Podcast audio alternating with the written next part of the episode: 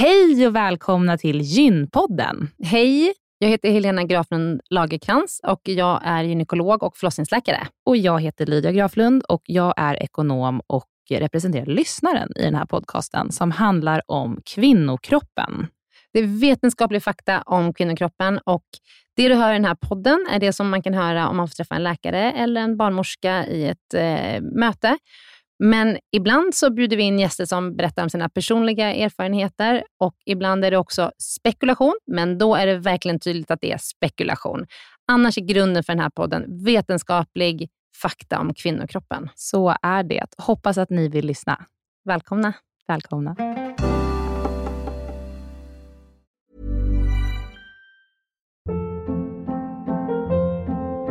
Hold up. What was that? Boring. No flavor. That was as bad as those leftovers you ate all week. Kiki Palmer here, and it's time to say hello to something fresh and guilt-free. Hello Fresh. Jazz up dinner with pecan-crusted chicken or garlic butter shrimp scampi. Now that's music to my mouth. Hello Fresh. Let's get this dinner party started. Discover all the delicious possibilities at hellofresh.com. Den här veckans avsnitt av Gynpodden är sponsrad av Ester Care. Och Helena, det är ju det bolaget, vårdbolaget, som du och jag har varit med och startat, där vi erbjuder digitala vårdmöten med specialister inom kvinnovård. Precis. Och vi vet att det är väldigt mycket vårdpersonal som lyssnar på Gynpodden, vilket vi är jätteglada för. Och vi behöver alltid fler gynekologer till SDKR. Så därför vill vi nu göra en shout-out till alla er som lyssnar ute som vill vara med och förändra svensk kvinnovård. Vi söker specialister inom gynekologi, men också ST-läkare som har kommit en bit in i sin ST och som vill arbeta digitalt eh, med handledning på, hos oss på SDKR. Mm. Och precis som det är för våra patienter som kan söka vård hos oss, det vill säga att de kan bo vart som helst i landet eftersom vi är digitala. Om man laddar ner appen och så bokar man ett vårdmöte, så kan ju även läkaren bo vart som helst i landet eller flytta under tiden man jobbar hos oss. Det är ju väldigt, väldigt flexibelt eftersom eh, man jobbar hemifrån. Och Jag tänker att det måste ju också vara helt underbart att som läkare kunna arbeta hemifrån och planera sin egen tid några dagar i veckan. Ja, verkligen. Och samtidigt vara med och förändra kvinnovården med kollegor som är otroligt drivna och engagerade. Det är jätteroligt att jobba på SDKR. Och jag tycker att det här är en häftig grej som vi gör just nu, att vi erbjuder gyn, äh, gynvård i hela landet. Och vilka är de vanligaste patientmötena du tar, Helena? Ja, men det är ju klimakteriet, eh, PMS, eh, mensbesvär. Och det är ju såklart ärenden och eh, diagnoser som går att hantera digitalt. Men vi remitterar också vidare när det behövs mm. Eh, och tar labbprover när det behövs mm. och så vidare. Mm. Så gå in på sdcare.com, klicka på jobba hos oss i menyn för att läsa mer och skicka in en ansökan. Tack så mycket. Tack och välkomna. Hej och välkomna till Gympodden. Hej. Helena, idag ska vi prata om ett ämne som vi får in väldigt mycket frågor kring och som väldigt mycket kvinnor har problem med. Ja.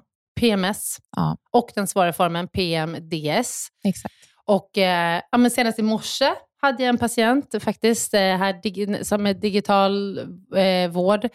Och, eh, hon hade precis fattat att hon hade att det är PMS. Ja. Hon liksom haft det i så många år och inte förstått vad det är som hela tiden strular och som gör att hon vill skilja sig och att hon inte orkar med sitt jobb. Ja. Och Sen kommer mensen och då är det så ah, Gud vad skönt. Ja. Nu är allting bra igen. Ja, det är halva, halva månaden nästan. Halva månaden. Ja. Och, vad kunde du hjälpa henne med då? Ja, men det, det, vi, I tidigare poddavsnitt så pratade vi om vad är PMS och hur behandlar man det? För det finns ju, dels finns ju egenvård kring PMS, alltså att det här med att liksom ta hand om sig, att unna sig en extra liksom, träningspass eller att så, se till att man prioriterar sömnen. Men det finns ju också medicinsk behandling för PMS som vi tar upp i tidigare avsnitt. Så att, eh, det finns ju faktiskt mycket att få hjälp med med PMS, men man måste fatta att det är det man har. Och det är inte alltid så himla tydligt, för när man är i PMSen så är det som att man inte förstår att det är det som är problemet. Och det här ska vi prata mycket om idag med eh, dagens gäst. Ja, vill du introducera henne? Det vill jag göra. Karin Adelsköld, välkommen. Tack.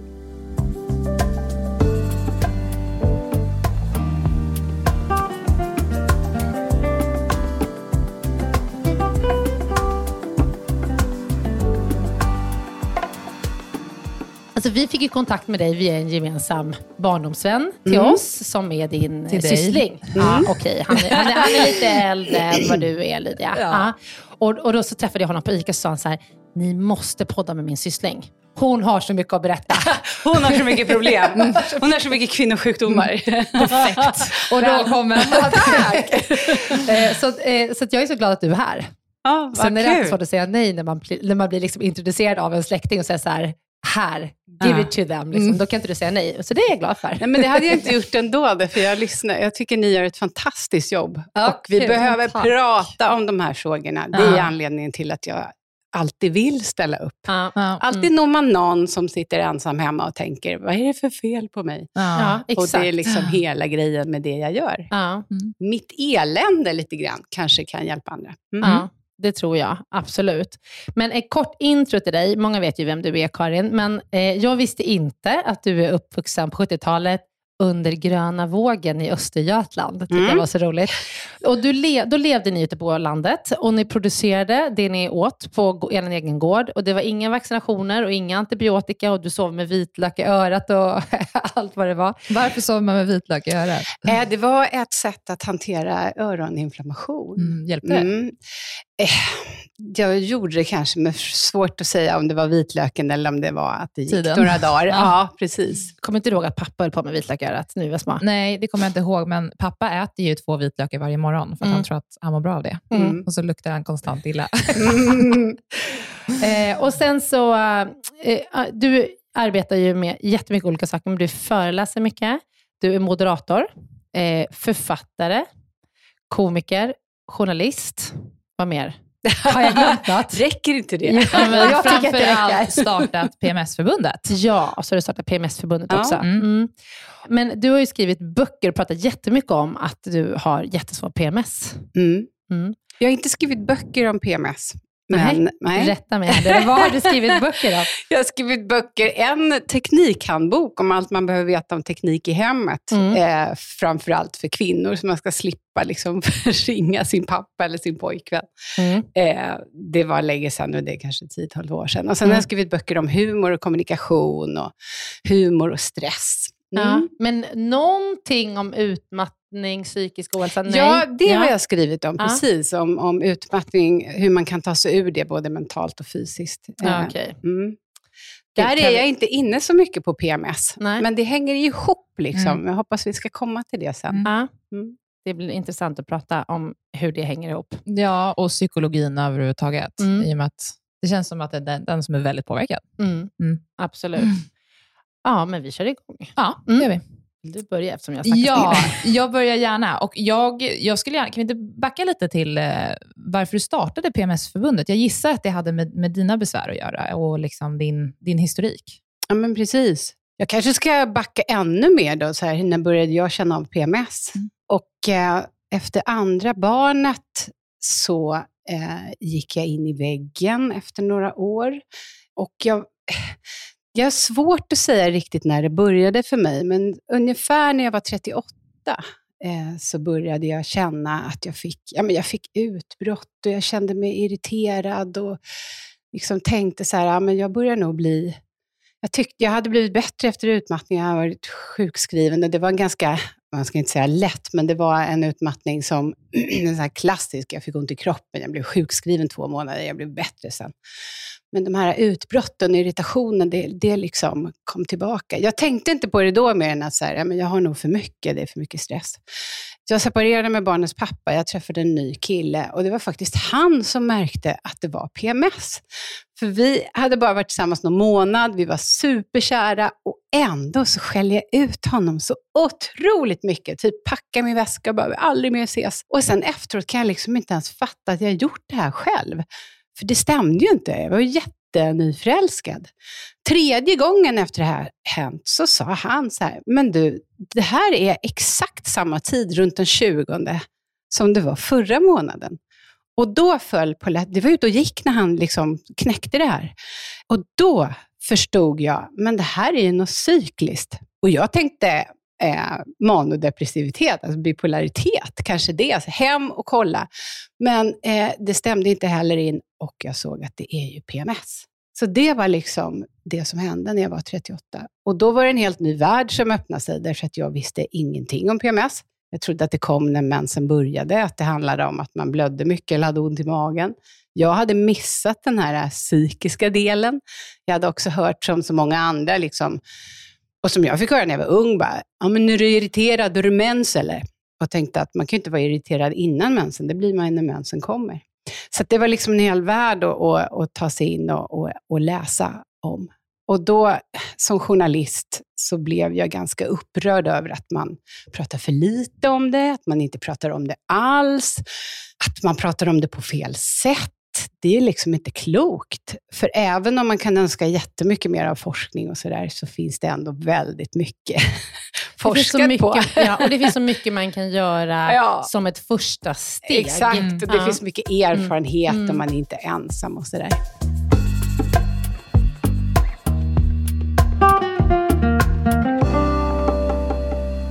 Helena, fråga mm. till dig. Hur kommer det sig, du var 38 ja. när du började uppleva det här. Mm. Hur, hur, kommer det sig att man upplever nummer, för man tänker kanske spontant att har man problem med PMS så har man det från det att man börjar få mens, eller liksom, men det kom senare? En del har nog det tidigt i livet, men det är supervanligt, precis det du beskriver.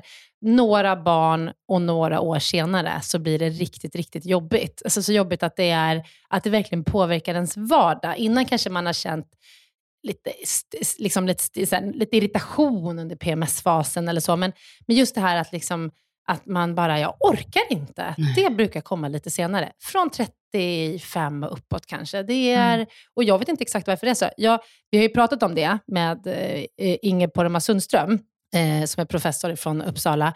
Och jag tror inte hon heller hade riktigt något svar på varför det blir värre när man blir äldre, men det är så. Alltså vi hade väl någon teori också om att det var att man levde kanske ett mer eh, stressfullt liv, att man har mm. barn som tar mycket tid, att man har lite mindre marginal mm. eh, och att det påverkade på något sätt. Men, mm. ja. Precis. Ja, man har ju inte, det finns liksom ingen forskning på det här än.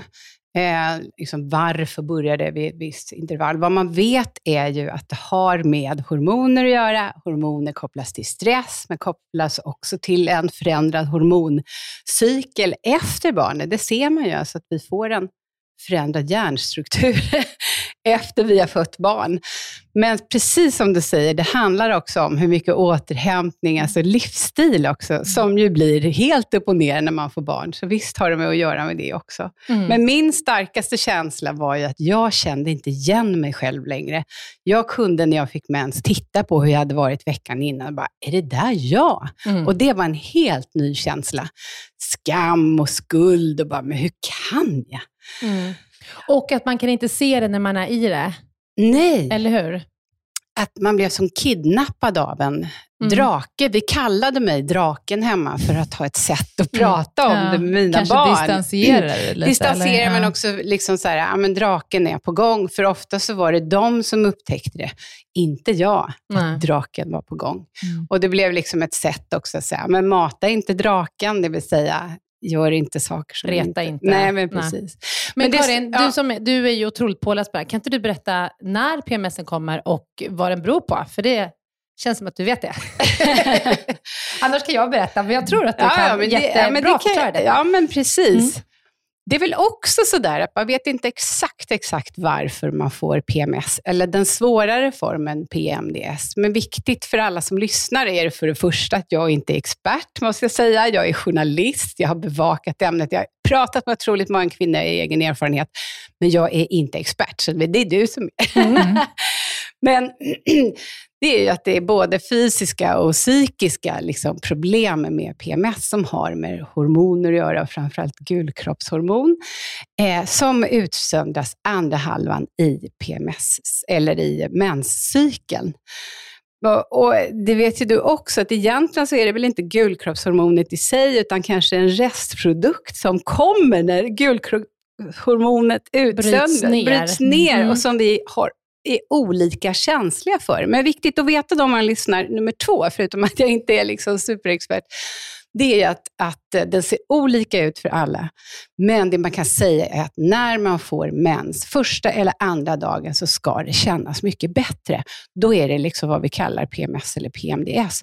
Är det så att man mår dåligt hela tiden, kan det ha med hormoner att göra, men det kan vara någonting annat. Mm. Så för mig, när det började, såg det ut som att jag, det smög igång från ägglossning. jag har ganska tidig ägglossning i min cykel. Det ser också lite olika ut för olika. Men då kunde jag känna liksom irritation. Och nästan varje månad, trots att jag visste om det här, var det så här, men oj, varför blir jag så irriterad på att det är smutsigt på toaletten? Jag brukar strunta i det. Det, det var sådana små saker som hände. Och sen veckan innan mensens första dag, då var det liksom galenskap, höll jag på att säga. Kunde du jobba? Kunde du utföra ditt jobb Ja, men det här är ju märkligt. Jag kunde jobba. Jag kunde faktiskt det. Eh, det gick väldigt bra till exempel att stå på scenen och bara köra stand-up. Jag kunde liksom eh, kanalisera den energin till, till eh, den här ilskan och frustrationen som, som det tog sig uttryck för mig på scenen. Det passade väldigt bra.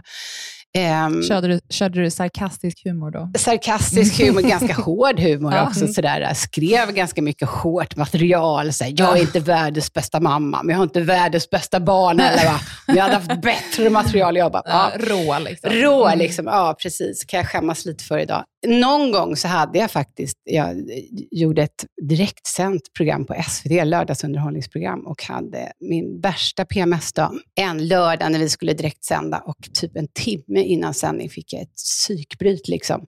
Men jag klarade ändå att gå ut och ställa mig på scenen sen, så det gick bra. Och det verkar som, när jag pratar med andra tjejer, att man känner igen sig i det här, att man ändå kan liksom skärpa sig mot dem man inte känner eller när man är på arbetstid.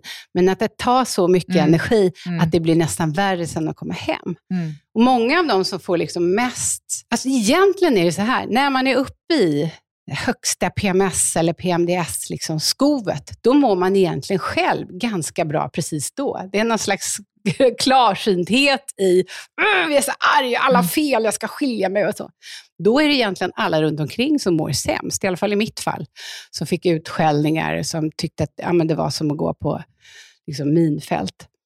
Sen började ju, när jag började inse, när jag började komma ur det, då var ju min värsta tid skammen, skulden, eh, frustrationen över, ska det vara så här? Kan man, alltså så här, Varför blir det inte bättre? Vad är det för fel på alltså, mig? berg och dalbana. Alltså fruktansvärd ja. berg och dalbana. Har du hört om det här förut? Att det kan vara på det här sättet? Jag har en väldigt nära vän mm. som har mycket PMS och PMDS ändå i och med att hon är väldigt psykiskt påverkad av det. Och Hon har ju sökt hjälp och hon har fått hjälp på olika sätt, men det har liksom inte inte passat henne att äta till exempel antidepressivt varannan, mm. Eh, eller liksom hälften av månaden och sådär. Så det har ju varit jätte, jättejobbigt för henne mm. och jag har varit väldigt nära henne i det och sett det. Liksom. Um, ja. För att det, jag tänker att hon, man... är, hon är fortfarande hon har fortfarande problem med det. Ja. Det påverkar hennes liv jättemycket. För jag tänker liksom att om man inte har någon nära eller lever med någon som har det, så kanske man inte förstår hur stor påverkan i livet... Alltså, vi kan ju lite så här, ah, ja, jag har PMS eller, oh, eller, eller sådär, att man kan liksom raljera lite kring det, men det här är ju verkligen ett handikapp. Ja. ja, men det blir det ju. Och jag blev diagnoserad sen med PMDS och var nästan som i en så klinisk depression i mm. tio dagar i månaden. Mm. Så mot slutet, innan jag fick hjälp med just antidepressiva, så var det ju väldigt svårt att fungera. Men jag var ska det också det som säga, funkade för dig, antidepressivt? Eh, ja, det var massa olika saker som funkade för mig, men mm. en sak var, var det. Men bara för att säga, om man lyssnar nu och tänker, mm. gud, jag PMS, det blir så här. Alltså, allas PMS ser olika ut. Man kan ha jättemilda symptom. Det kan komma och gå. Många upplever att var tredje månad är det värre än annat. Alltså, man ska inte bli rädd nu och tänka att det här är för alla. Och det, är liksom, och det finns hjälp att få. Det finns massa saker man kan göra själv. Liksom. Så bara för att man har, känner av lite, lite PMS, för det gör ju väldigt många kvinnor, behöver inte det betyda att man blir ett monster, som jag blev. Nej. Och Det är ändå viktigt att säga, för igen där, stress förvärrar PMS. Och blir vi stressade över att vi har PMS så blir PMS värre. Mm. Och Det var också därför jag valde att till sist gå ut och prata om det här offentligt. Och Det gjorde jag i Malou hos Efter tio. Hon hade hört talas om att jag hade PMS.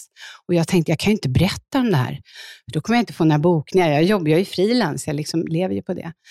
Men valde att göra det ändå och då blev det en sån explosion av kvinnor som hörde av sig. Alltså det var jag har aldrig varit med om liknande. Och det var så mycket frustration och så mycket ledsamhet och så mycket ensamhet i den här situationen. Så nu kommer svaret egentligen på din fråga. Varför startade jag PMS-förbundet? Jo, därför att prata om de här frågorna, lyfta upp det på agendan. Därför att bara, jag hade märkt själv att bara jag pratade om det här med andra kvinnor och sa ja, så har jag också, så sänkte stressen och skulden. Mm. Och när jag väl fick ett PMS-skov, då var det lättare att hantera. Mm. För jag visste att det är inte mitt fel, jag blev inte rädd. Oh, nu kommer jag bli bränd på bål, eller på säga. Men, alltså, så det var liksom därför mm. jag startade. Have catch yourself eating the same flavorless dinner three days in a row? Dreaming of something better? Well, hello fresh is your guilt free dream come true baby. It's me, Gigi Palmer. Let's wake up those taste buds with hot juicy pecan crusted chicken or garlic butter shrimp scampi. Mm. Hello Fresh. Stop dreaming of all the delicious possibilities and dig in at HelloFresh.com. Let's get this dinner party started. One size fits all seemed like a good idea for clothes. Nice dress. Uh, it's a it's a t-shirt. Until you tried it on. Same goes for your health care.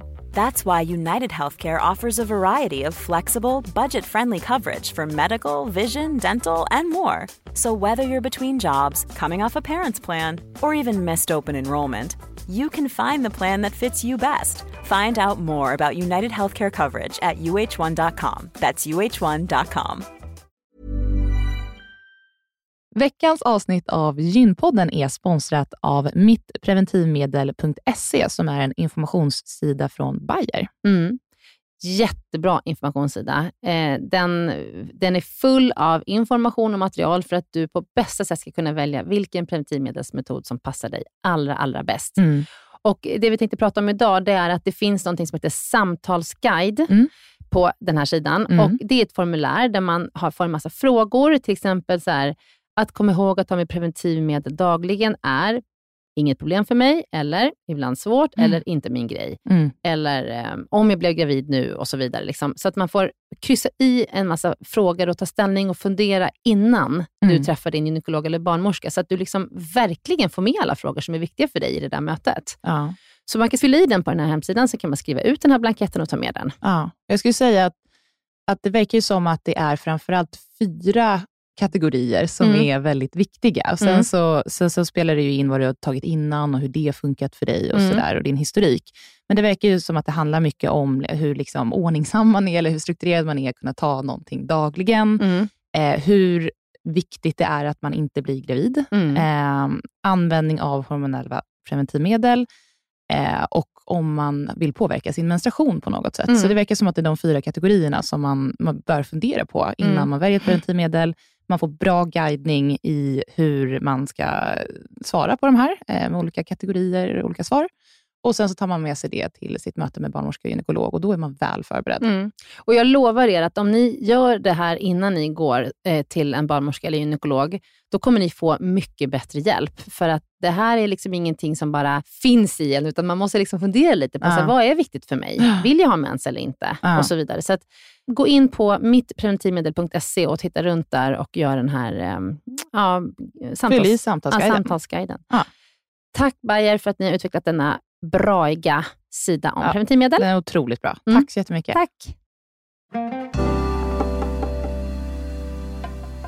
Det är ju jätteviktigt att verkligen poängtera att stress förvärrar, för det är många som kanske inte ens behöver ta SSRI under semestern. Alltså de här för antidepressivt är ju då, en behandling kan ju vara då att man får antidepressiva läkemedel från ägglossningen och så äter man det tills mensen kommer och sen slutar man. Man kan hoppa in och hoppa ur den här behandlingen utan biverkningar om man äter det som en antidepressiv medicin, då är det oftast lite insättningssymptom och utsättningssymptom, men det blir inte det eh, när man har PMS. Eh, I varje fall inte efter en två, tre cykler när man kommer in i det, utan många mår väldigt, väldigt bra på det här.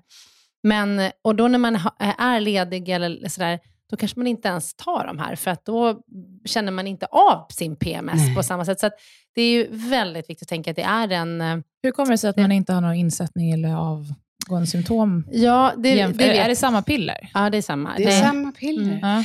Eh, alltså det är väl för att man inte tror att det verkar på samma sätt som eh, om man äter det mot depression. Och att kroppen också vänjer sig vid det. För att mm. insättning och utsättning, det är ju också att, man, eh, att kroppen vänjer sig. Så jag brukar säga till mina patienter att att um, man kan börja med 10 milligram och så kan man kanske käka det första cykeln och se så här, räcker 10 milligram för mig? Blir jag av med mina symptom och blir man det, då kan man ha 10 milligram och då börjar man När man har sin ägglossning så börjar man och när man får sin mens så slutar man.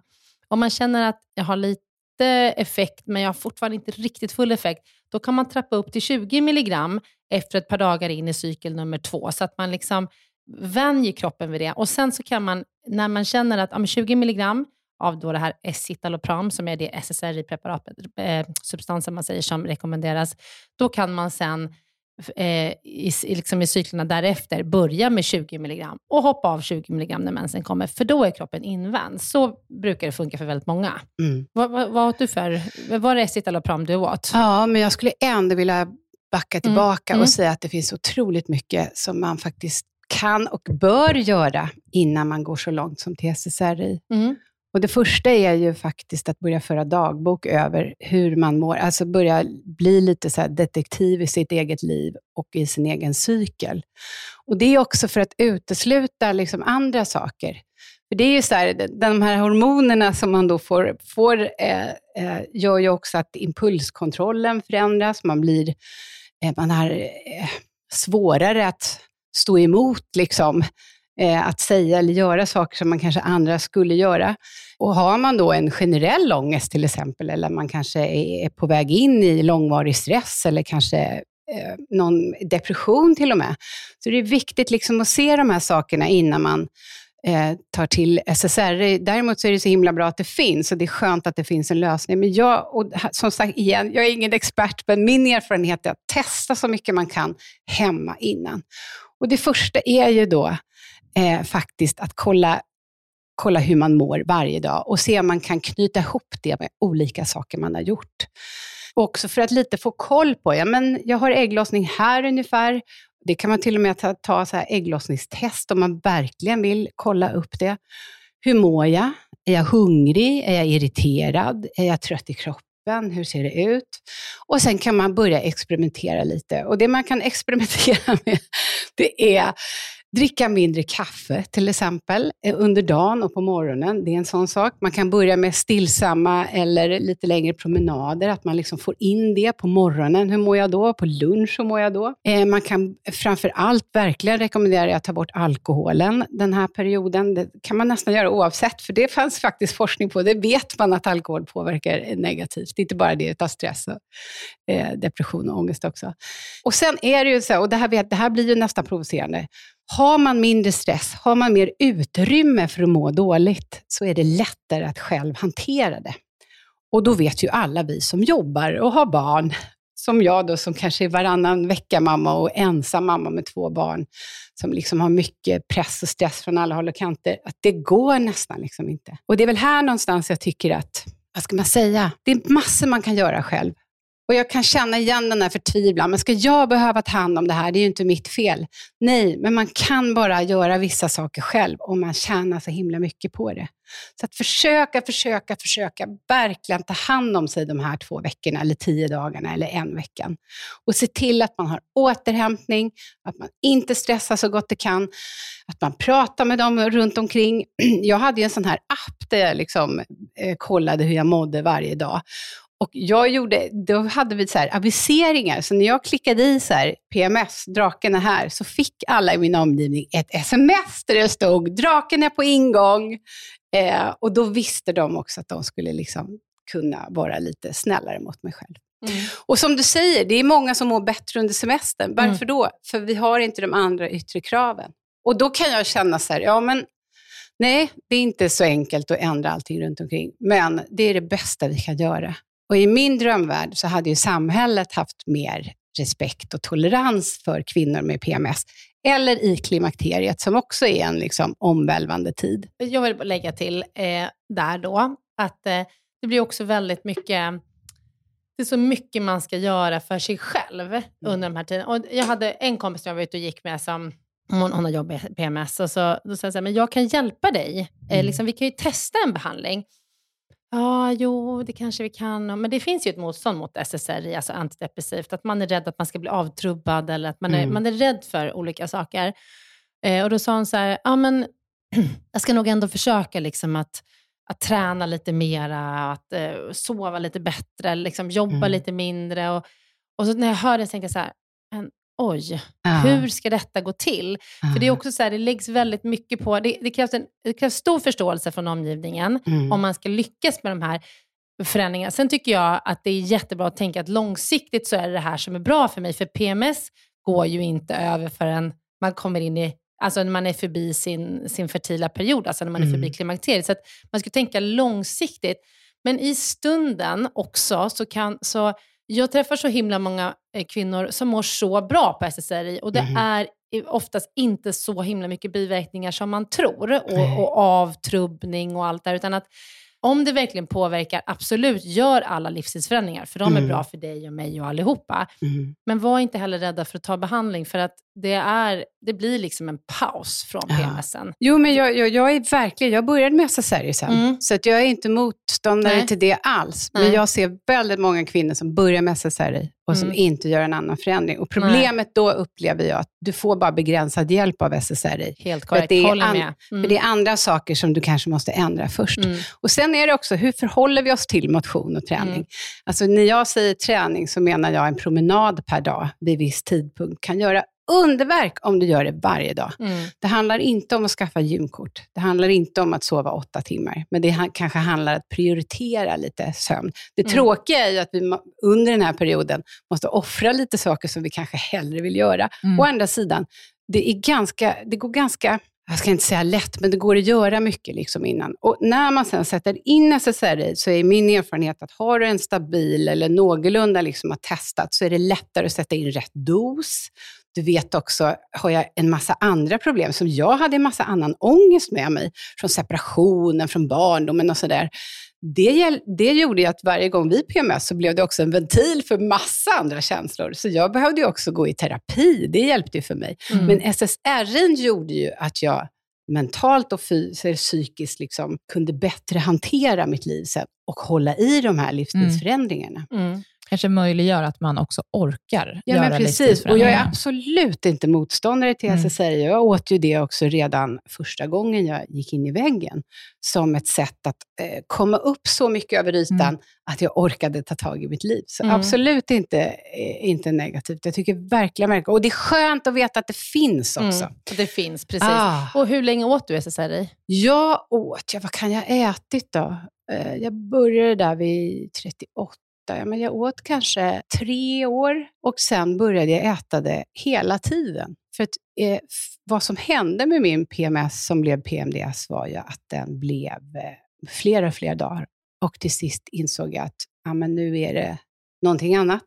Och det var det faktiskt. Det var en utmattning som var på gång. Och eh, klimakteriet. Ah, och hur kom du på det?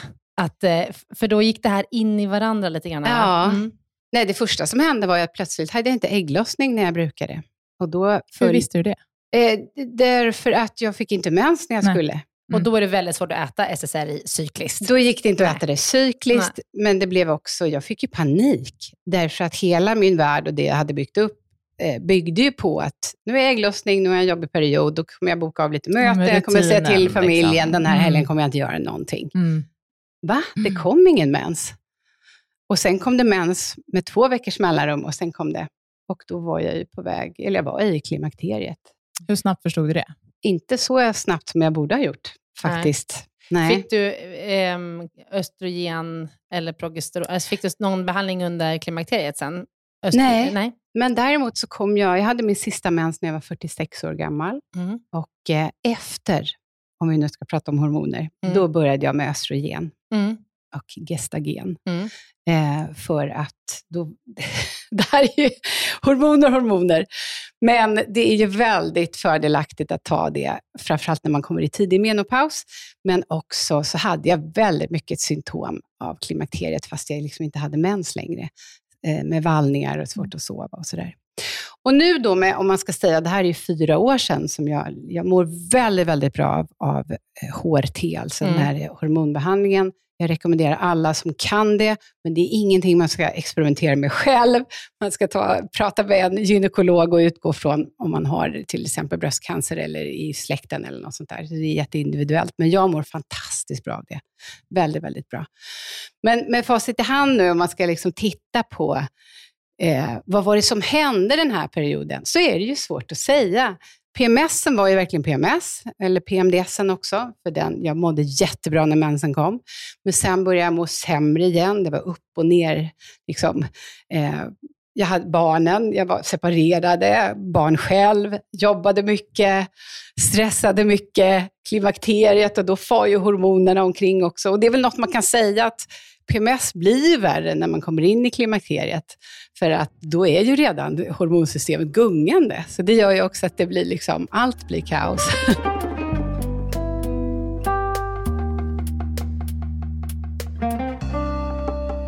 Det här är ju någonting som vi pratar jättemycket om, att du och jag Lydia, på, i, i olika poddar och när vi pratar liksom om det här, att, att eh, kvinnor har ju högre sjukskrivning än män. Och det är mycket utmattning och mycket depression. Och vad är vad? Alltså, ja. du kan inte gå, du, man kan inte liksom slå på några register i Försäkringskassan och säga så här, hur många sjukskrivna för klimakteriet? För det är ingen som är sjukskriven för klimakteriet, för alla är sjukskrivna. Eller liksom, det går ju under utmattning. Eller ja. liksom. Så det är så otroligt svårt, men vi måste liksom fokusera på att hjälpa kvinnor genom den här perioden. Mm. För det mm. finns ju hjälp att få. Mm. Det svåra är ju när kvinnor bara blir sjukskrivna. Ja, och kan man, här, om man vet att det har med klimakteriet att göra så kan man ju föregå det och få rätt hjälp, absolut. vilket du ju ja. hjälper kvinnor med ja. varje dag. Och, och, jag, och jag träffar ju så många patienter som är så ledsna och så trötta och inte har sovit. Och Det är vallningar, och det är svettningar och det är oförståelse för hur man mår. Och Sen eh, finns det lite olika sorters behandlingar man kan sätta in, men väldigt många blir ju väldigt mycket bättre. Mm. Och att man eh, får sitt liv tillbaka, får sitt liv tillbaka mm. och att man liksom kan leva varje dag och inte bara gå och vänta på liksom att klimakteriet eller PMSen eller liksom mm. utmattningen, att det här ska gå över. Utan att vi kan ju förlora så mycket bra år på det här. Mm. Mm. Hormoner är fantastiskt. Och mm. vi, är så, vi är ett av de länder i världen som är mest rädda för att ta hormoner. Och mm. det är ju den här som ni säkert har pratat om, den här gamla studien som gjordes som en koppling till bröstcancer. Det vet man idag att det inte har den kopplingen man trodde. Det var också en studie som sen blev underkänd och inte ens färdiggjord. Men vi har liksom hakat fast i den. Jag tror det handlar om mycket att, som min mamma då, apropå, och hennes väninnor på 70-talet, de eh, ville leva så naturligt som möjligt. Jag ja, tror att det var där ju, det började någonstans. Den trenden är ju tillbaka sedan några år, ja. skulle jag säga. Och det jag tycker är intressant i det är ju att att leva naturligt, ja, men det innebär ju att må dåligt. För att vi lever ju också i ett samhälle som inte är anpassat för Nej, samhället är inte leva. naturligt. Nej, men samhället är ju inte naturligt, exakt. Och då, om man kan få hjälp att må bättre i det samhälle vi lever i, varför skulle man inte ta det då? Nej. Men nu är jag också jag är lite ute på tennis, men jag tror också att i andra länder, i USA och liksom så, där har man också närmre till att komma till en gynekolog. Alla mm. har sin liksom, husgynekolog lite grann. Mm. Man går på lite checkups, man får någon att prata med och, jag, och då identifieras problemen. Här går ju kvinnor och liksom, psykolog? Ja, men och till psykologer oftast. eller liksom till en allmänläkare som oftast är jätteduktig, men som kanske inte riktigt har den här liksom känslan för vad är vad och när kommer klimakteriet? Ja, men har du fortfarande mens? Ja, men då kan du inte vara mm. klimakteriebesvär. Men det kan det ju absolut vara. Eh, så att, eh, vi, och att det i många ah. regioner inte går att liksom, få prata med en gynekolog. Det finns inga gynekologer. Nej.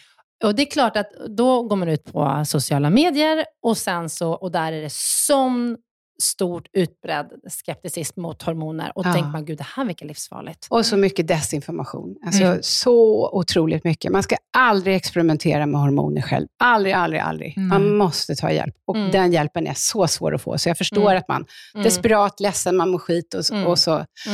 Och sen är det ju så här, kunskapen är ju jättedålig ute på, i, i vården, tyvärr. Liksom.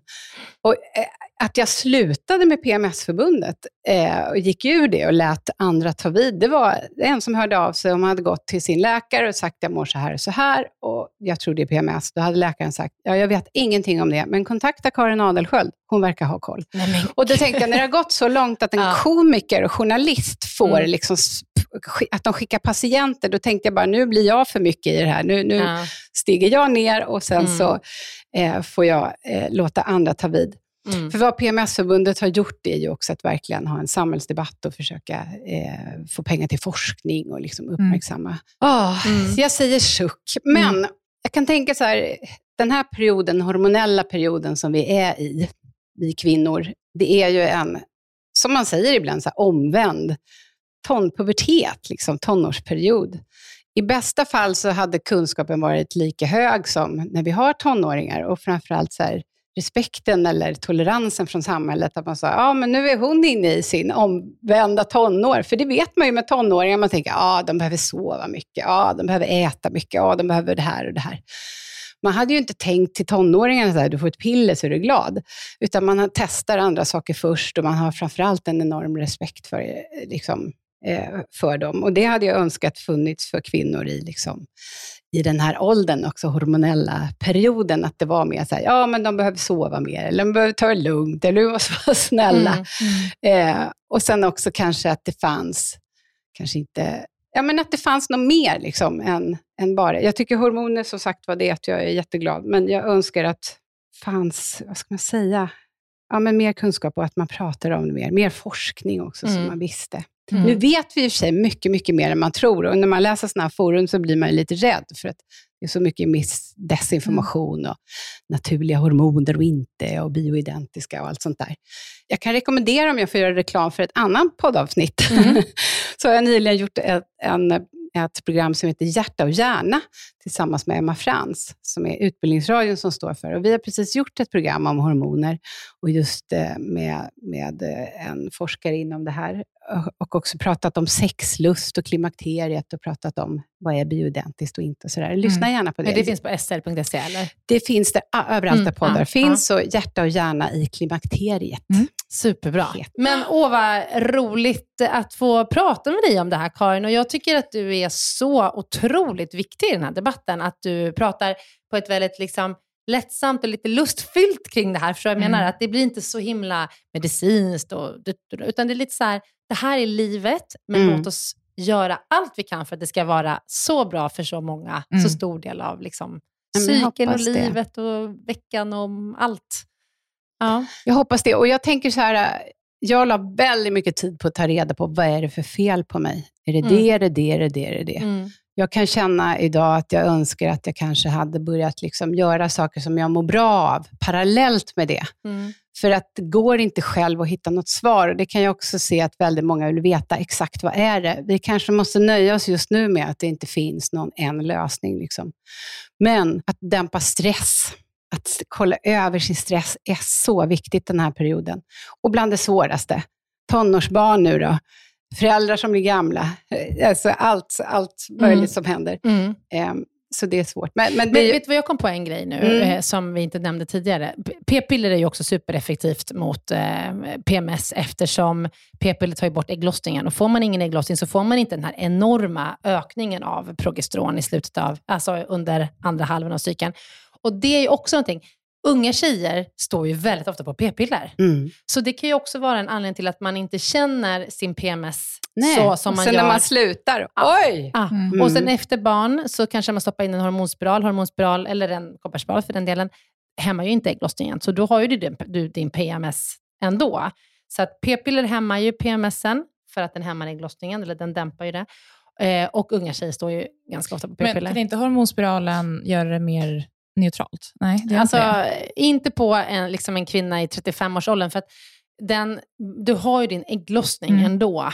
Eh, du, du behandlar mensen försvinner ju med liksom en mm. hormonspiral, men inte ägglossningen. Mm. Så att du har ju fortfarande den här jättehöjningen. Sen är det en del som tycker att man mår bättre med hormonspiral. Mm. Då kan det vara så. Och mm. någonstans börjar ju eh, eh, den här hormonspiralen också att hämma ägglossningen från kanske 45 år och uppåt. Mm. Det här är lite mm. individuellt. Mm. Så att det är också, vi vet ju inte riktigt, det beror lite på hur eh, den egna eh, liksom, driven är. Så, så börjar man liksom närma sig sin menopaus, mm. då hämmar ju hormonspiralen mm. ägglossningen och då får man ju ett bot även av hormonspiralen, men mm. inte på liksom en, en, en en random 35-åring, mm. då händer det inte. Nej. Och det gäller att ha lite is i magen där, därför att eh, våra hormoner ändrar sig hela tiden. Så förutom att det är individuellt så är det också förändrat hos varje individ.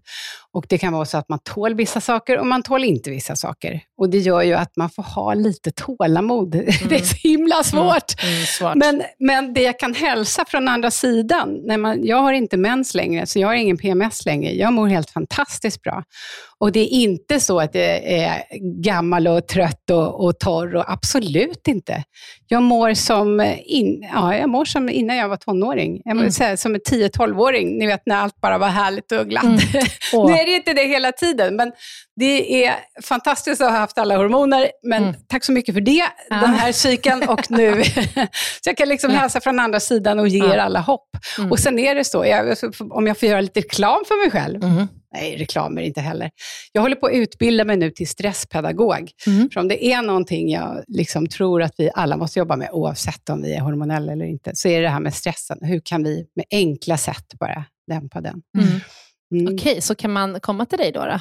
Ja, jag hoppas kunna ha grupper framför allt med mm. kvinnor i alla möjliga olika stadier i livet som kanske vill ha lite hjälp och att vi tillsammans i grupp kan prata om mm. de här frågorna, men också vad vi kan göra. Vi kan göra mycket själv med enkla medel och så finns det hjälp att få. Mm. Mm. Och lyssna på den här ja. podden, på era avsnitt. Jag mm. lyssnar på dem om PMS också. Mm. Superbra. Mm. Läs, ja, lär, tack, Karin. var snälla, mm. krama er själva i trafiken. Eller vad heter ja. det? Med Själv, de, självkärlek. Och med de orden och, avslutar vi. Ja, det gör vi. Tack snälla Karin, Tusen tack, Karin för att du har varit här hos oss och pratat om det här idag. Tack. Tack. Hej